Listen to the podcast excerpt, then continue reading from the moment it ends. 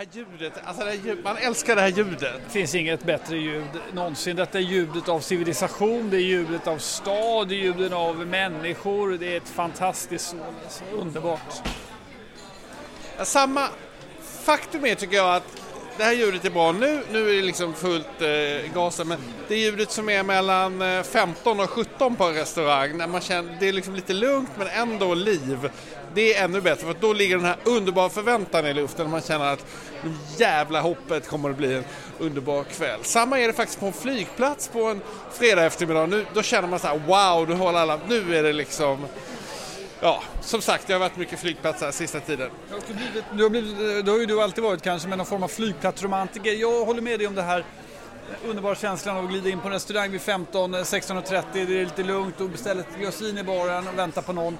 Men att vara på en flygplats vid samma tid, det finner jag nästan... Eh, jag har en annan sak att prata med dig om. Eh, tänk att vara Axel Björklund, din gamla DN-kollega. Han är en flitig statstjänsteman, satt och verkar inom rigorösa SVT-regler. Medveten om att vad som än händer i hans värld så får det inte bli fel. Nu har den här Uppdrag granskning-affären tagit sig upp ytterligare en nivå i, i och med att kriskonsulten Jeanette Fors André i veckan valde att publicera ett öppet brev som en annons i Dagens Industri. Såg du det? Jag följer det här lite med en armlängds avstånd. Det är liksom att alla de här människorna är så fruktansvärt osexiga. Det tycker jag är jobbigt. Det är liksom ingen som är rolig, ingen som är känd. Det är bara massa... Ja, verkligen... Ja, men jag håller inte riktigt med dig i det, för jag tycker att det finns något fruktansvärt intressant på underhållningskontot här. Å ena sidan då eh, SVT-tjänstemannen Axel Björklund, sen Jeanette Fors André som verkligen är en cowboy på den fria marknaden, ivrigt påhejad av näringslivet och rejält med resurser, rejält med plånbok. Hon har liksom pengar på fickan och en helsidig idé, det är en baggis för henne om hon vill... Det var idé va? Idé, förlåt, idé. Och jag tror hon har fått det här resultatet hon vill ha, att det har blivit mycket snack om henne. Nu ska jag lansera ett nyord och då vänder jag mig särskilt till vår lyssnare Anders Svensson, chefredaktör på Språktidningen. Nyordet är det Axel Björklund ut, uh, utsatt för. Nu kommer nyordet Viggo. Axel Björklund är kommersiellt förföljd. det var väldigt, väldigt roligt. Eh, men jag kan ju hålla med om att man eh, fyll, alltså det finns någonting i den här självgoda SVT-attityden som på något sätt når sin absoluta kulmen i Uppdrag granskning. Den är eh, djupt, djupt, djupt provocerande, obehaglig. Det, det är liksom, det är det här eh, journalisthatet som jag tror många känner, det når en enormt hög nivå när det kommer de här människorna. Men också vara som sagt en vanlig, eh, så att säga, han är ju han är ju en maktposition Axel Björklund, men att vakna upp en morgon och inse att någon sätter in helsidesannonser med öppna brev till honom som han i SVT-systemet måste förhålla sig till. Det blir ju, eh, det måste ju slå slint i huvudet. Hur ska man göra? Vad vill han göra? Axel är ju en superkommunikativ person som säkert har massa idéer på vad han skulle vilja göra om han var på TV4 eller hade resurser. Nu är han ju inte det vad ska hända imorgon? Ja, Dessutom jag... tror jag att eh, det är väldigt många andra som känner att det här eh, Uppdrag granskning-bråket, de vill nog vara med och ha sin del av kakan. Jo, Carl Frick Sammeli, Jeanette Fors André, det kommer komma fler. Men sen tror jag också att eh, de har ju liksom eh, pucklat på olika människor i, i 20 års tid och, och, och, på något sätt alla har eh, PR-konsulter har tjänat miljoner. Nu kommer du här! Kyckling. Om jag tar säg. Så säg. Säg så säg. Säg så säg Kavling. Nej men jag, jag tycker det är, det är liksom en ketchup-effekt åt andra hållet och kanske en bild av det stora paradigmskiftet som pågår i Sverige just nu. Oj, oj, oj, nu ringer Amelia Damo här, men det är synd att vi har ingen möjlighet att koppla upp henne. Hon ska inte, hon ska inte kopplas upp nu. Henne väntar vi med. Ja, men jag minns när jag kom till Stockholm eh, och började jobba på DN. Då skickade hon blommor till mig på, eh, på DN på stan. Ja, men alltså, så jag genialiskt. Jag minns? jag minns att du har berättat den här historien åtminstone en gång tidigare, antagligen fler. Alltså jag har ju berättat det kanske hundratals gånger. Ja, för våra lyssnare. Jaha, okej. Okay. Det, annan... det, är fantastiskt att du kommer ihåg vad jag har sagt, för jag kommer ju aldrig själv ihåg vad jag har sagt. du kommer ihåg vad jag har sagt, det är inte så att du är den enda som repeterar det på något sätt. Du, jag har en annan spaning angående annonser som jag roar mig väldigt mycket med i helgen. Ja. Och det är auktionshusannonserna. Varför ser auktionshusannonserna alltid ut som den oskyldiga inledningen till en porrscen, till en porrfilm? Jag vet vilka Jag vet inte vilka porrfilmer du tittar på, men jag har inga sådana minnen alls faktiskt. Jag kollar inte på några, men jag kollar på auktionsannonserna. Eh, Auktionshusen har aldrig förstått att tider förändras. De håller fast vid precis allting och jag älskar dem med det. Ta det här med medieval till exempel. De köper print och jag älskar, älskar print och det gör auktionshusen också. De låtsas liksom på något sätt att digitaliseringen aldrig ägt rum. De köper helsidor, hej för glatta livet, hej hej vad det går. Detta är en genre som ett, aldrig, och då menar jag aldrig utvecklats, två, lyckats lägga någonting, de har liksom lyckats lägga ett tjusigt eh, dunster av sig själva och sin verksamhet trots att de egentligen bara säljer grafiska blad av Huntervasse för 25% överpris. Och det här tänkte jag på när du pratade om Kaplan, att du hade den här känslan av att vad jag än fick attackera kring det, så Kaplan, där går det någon slags jävla gräns. Kaplans annonserar väldigt mycket i print också, både väldigt mycket i DN i alla fall. Det här är som små, små, apropå media, små som minikungahus med små regler, egna adelshus och teceremonierna. Och sen annonserna i fråga. Settingen i de här annonserna är alltid de samma. Personer med gravt otillfredsställda ansiktsminer uppklädda som de skulle lajva en återträff i Lundsberg 1994. Kvinnan sitter alltid på stolen, mannen alltid bakom. Någon håller ett föremål i handen som det vore ett Jesusbarn som de visar upp. De är klädda lite lätt daterade. Vet du när jag ser de här annonserna så letar jag alltid efter ett tecken på att någon behöver hjälp. Ett SOS. Jo, att de skulle på något sätt signalera med morse eller något sånt. En fingervisning om att de behöver hjälp. Jag vet precis hur de här personerna har inrett hemma, jag vet vilka de är. De tycker att det är superläckert att blanda gammalt och nytt på ett busigt sätt. Rokoko med ett battlingblad, restaurangsilver till vardags. Visst är det så? Jag vill säga till alla på Bukowskis, Verket och Auktionskammaren, ge mig ett enda tecken i era annonser. Som läsare av Svenska Dagbladet är jag beredd att dag som natt rycka ut och rädda er. Intendent som visningsvärdinna, var inte rädda. Till er vill jag säga, välkomna ut på 20-talet. Alltså jag vet inte, jag fick ju vara hemma, hemma hos dig nu. Man skulle ju kunna spela in, göra sån här auktionsreportage hemma hos dig. Det skulle ju vara perfekt ju. Här är Claes de Fer och Ebba Säljer, Karin Elberg och eh, Nathalie Edemont och så var det några som jag inte kommer ihåg. Det är väldigt mycket fin konst hemma hos dig. Ja, det gläder mig att du tycker. Jag vill att du lämnar det ämnet genast. Jag vill inte prata om hötorgsreproduktionerna som hänger hemma i ditt radhus istället. Du har ju för fan en Ernst Billgren. Alltså, alltså det är ju ett grafiskt blad. Är, är det? Alltså det är ju ingen äkta, eller äkta, det är väl äkta på det sättet att jag vet inte, att hans assistent har skrivit under. Googla framgång så får du upp mannen som kommer in nu. Ja, vem är det? Jag ser inte, jag känner inte. De som vet vet. Lite, jag, jag pratade, jag har besökt Breakits eh, redaktion Okej, okay. varför då? Och jag, jag, gick dit för att eh, jag, skulle för, jag skulle göra research för min bok och då pratade jag med Stefan Lundell. Och allt han sa om dig är tyvärr under källskydd. Vet du vad? Eh, är roligt att du berättar här. Vad sa han om mig då? nej, nej, nej, han sa bara, han sa så här att eh, jag känner dem eh, professionellt men Claes känner dem privat. Helvete, alltså nu, alltså Sveriges nöjdaste människa sitter här bredvid mig nu. Vilka är det du pratar om? Ja, men de här riskkapitalisterna, de rika, Rich and Famous, Djursholm, Bromma, Östermalm. Sa du då att du ska döpa huvudpersonen i, i din, ditt jätteprojekt efter mig? Ja, det, det sa jag faktiskt inte, men jag, men jag kan säga så här. Det är många som undrar om det är någon som lyssnar på podcasten, men på Breakits redaktion verkar alla lyssna. De tycker också att vi har förnyat porr... porr. poddformatet genom att eh, vara helt ostrukturerade. När poddarna blir mer strukturerade som den här... Eh, When they go high, we go low helt enkelt. Exakt, exakt, exakt. Och nu när vi är på low, då har jag börjat läsa den här boken Avkragad som du har skrivit. Jag måste säga att du har ett väldigt fint språk. Den är liksom, det är som små korta liksom poetiska stycken. Men bakom detta döljer det sig ju en man Ja, men alltså... Får man, får man prata om honom eller?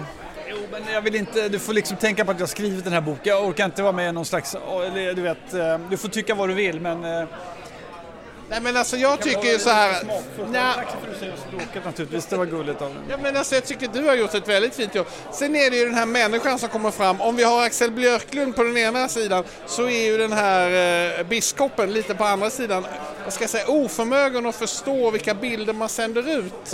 Det tycker jag är fascinerande och också uppfylld av sin egen eh, Eh, förträfflighet, precis som alla journalister är. Ja, jag känner att det här är ett olämpligt ämne. Okej då. Eh, Tillbaka till, till eh, Stefan Lundell. Han har också läst boken, han tyckte inte som du. hur vet du det? Ja, närmaste är väl att han har sagt det helt enkelt. Jag tror faktiskt han har skrivit det på...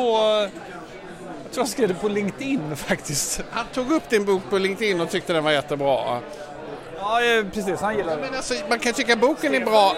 Nu, eh, Han tillhör ju kyrkan, han är en troende man. eh, Ja, men det är intressant, det har jag funderat jag har aldrig vågat fråga om det faktiskt. Nej, varför då? Nej, jag vet inte riktigt. Mitt...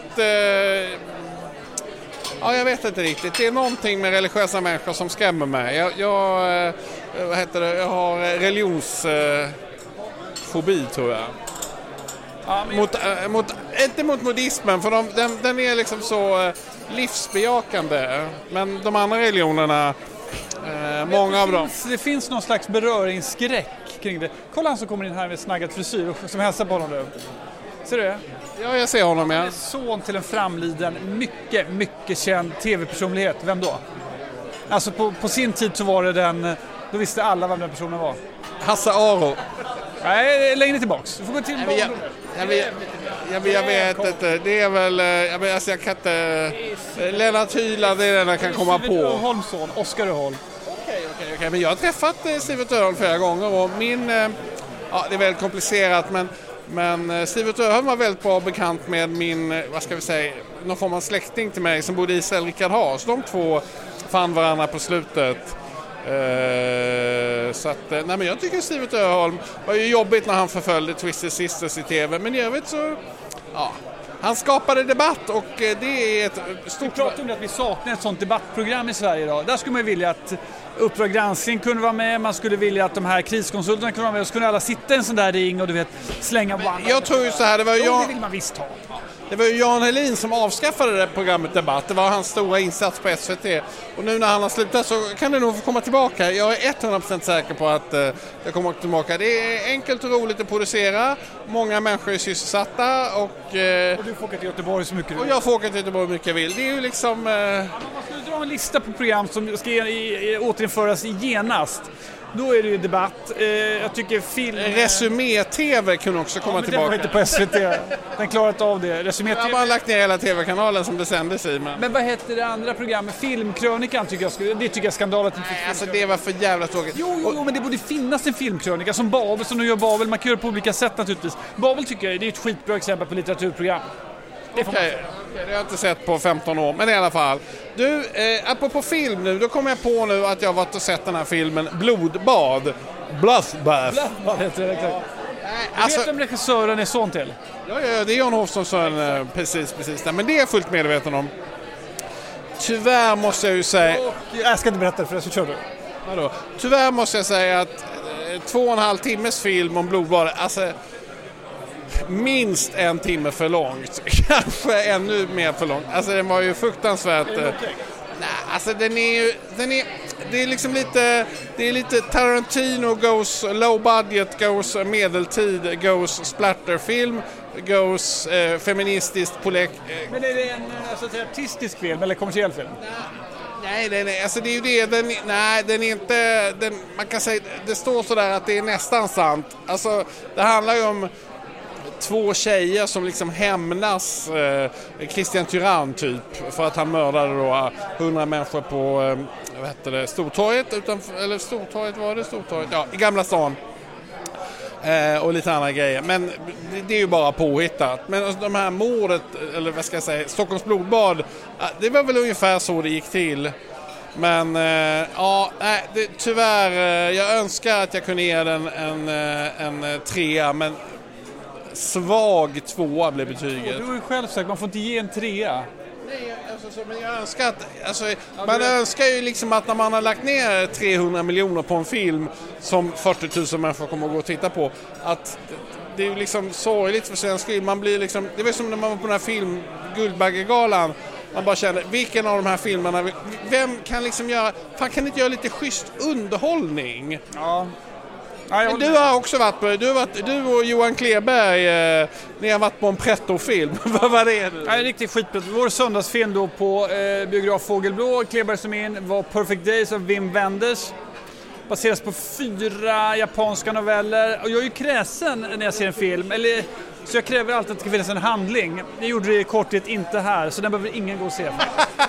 Fågelblå ska man gärna besöka, vi fortsätter gå dit på söndagarna men förra gången så såg vi ju, eh, glöm bort vilken vi såg, eh, som jag tyckte var jättebra. Eh, eh, Sideways-regissören. Ja, men just det, den här eh, som inte handlar om vin utan om... Eh... eh mörksprit, exakt. Det kommer du ihåg Viggo? absolut, absolut. Allting med alkohol, alltiga drycker tycker jag är trevligt. Vi, eh, det var ju trevligt på salongen där för att det var ju det här IT-attacken så att eh, jag kom ju med två presentkort och så, så skrev de upp på en liten remsa liksom biljetten, väldigt rolig handskriven lapp och sen efter det så fick man köpa två glas vin i plastglas och så satt vi då i salong två under Rigoletto och eh, tittade. Ja, vi var helt den här lilla salongen? Ja, det var, fanns massa små där. Vi var helt ensamma där i salongen så att, eh, ja, vi skulle kunna hånglat loss men det gjorde vi faktiskt inte. Jag skulle precis fråga dig hur, det är ändå något med spännande att vara på en biosalong själva. Jo, men man kan säga den här liksom, de högg huvudet av folk och det var pilar och där är det också jobbigt med blodig action, lågbudget för att då, det gör liksom mer ont än, en sån här väldigt dyr actionfilm. Då, då är det liksom våldet och, och, och mördandet är så abstrakt och det är så snyggt så att man förstår inte att det gör ont. Här är det liksom, ja, det verkar jobbigt att bli av med huvudet. Ja, undvik det du. Det var ju så mycket huvud att bli av med också. du, det här då, lyssna på det här. Eh, vår ÖB. Ja, ja, men han verkar... Eh, kär och galen kan man väl säga. Kär och galen. Säga, vår ÖB och Linda Staff, det är Sveriges svar på Meghan och Harry. Ja, men det var ju som vanligt en bra spaning av dig. Väldigt bra spaning. Ja, men eh, hon är ju på något sätt också liksom ormen som förledde ner eh, den gode i helvete. Alltså det är någonting, eh, det är nästan bibliskt över det hela. Vet du vilka som var eh, Sveriges Meghan Harry innan eh, ÖB och Linda Staff? Nej, nu är jag lite osäker. Och Borg och Dominika. Jo. Och innan dess, vet du vilka då? Nu har du... Nej, det står stilla. Har du alltså Ebba Witt-Brattström? Ja, okej. Okay. Nej, men jag tycker Borg och Dominika... Och sen... det gäller att ha ämbete och sen så är en kvinna som skriver böcker och så blir det lite bråk mellan dem. Man ska inte jämföra dem rakt av, men också den typen av ma massiv eh, ett intresse och att det finns ett ämbete som eh, ifrågasätts. Nej men det är ju det här konsultlivet eh, som eh, alla... Amelia och Torbjörn kanske var det innan också? Det är det här med statstjänstemän som liksom eh, tror att de jobbar i näringslivet och som på något sätt inte ser att de har en helig uppgift, att de ska dö med den. Som, eh, Ingvar Carlsson kommer ju vara den sista respekterade statstjänstemannen som man verkligen älskar. Sen var inte han statstjänsteman för han var ju, han var ju förtroendevald, men det är statsmannen då eller? Man, på sätt och vis kan man ju säga att en ÖB är också förtroendevald. Han, han jobbar ju, han, han, ju, han lever ju verkligen på vårt förtroende och han är ju politiskt tillsatt eh, men som få. Men det här med Ingvar Carlsson, så är det faktiskt. Eh, definitivt. Det är ju förvånansvärt att det inte finns fler av det. Om man pratar om att Axel Björklund är kommersiellt förföljd, vad är de andra då? Kommersiellt förgiftade, kommersiellt förförda? Kommersiellt? De är kommersiellt förgiftade. Jag tycker det var en bra, eh, bra, bra grej. Du, jag känner att eh,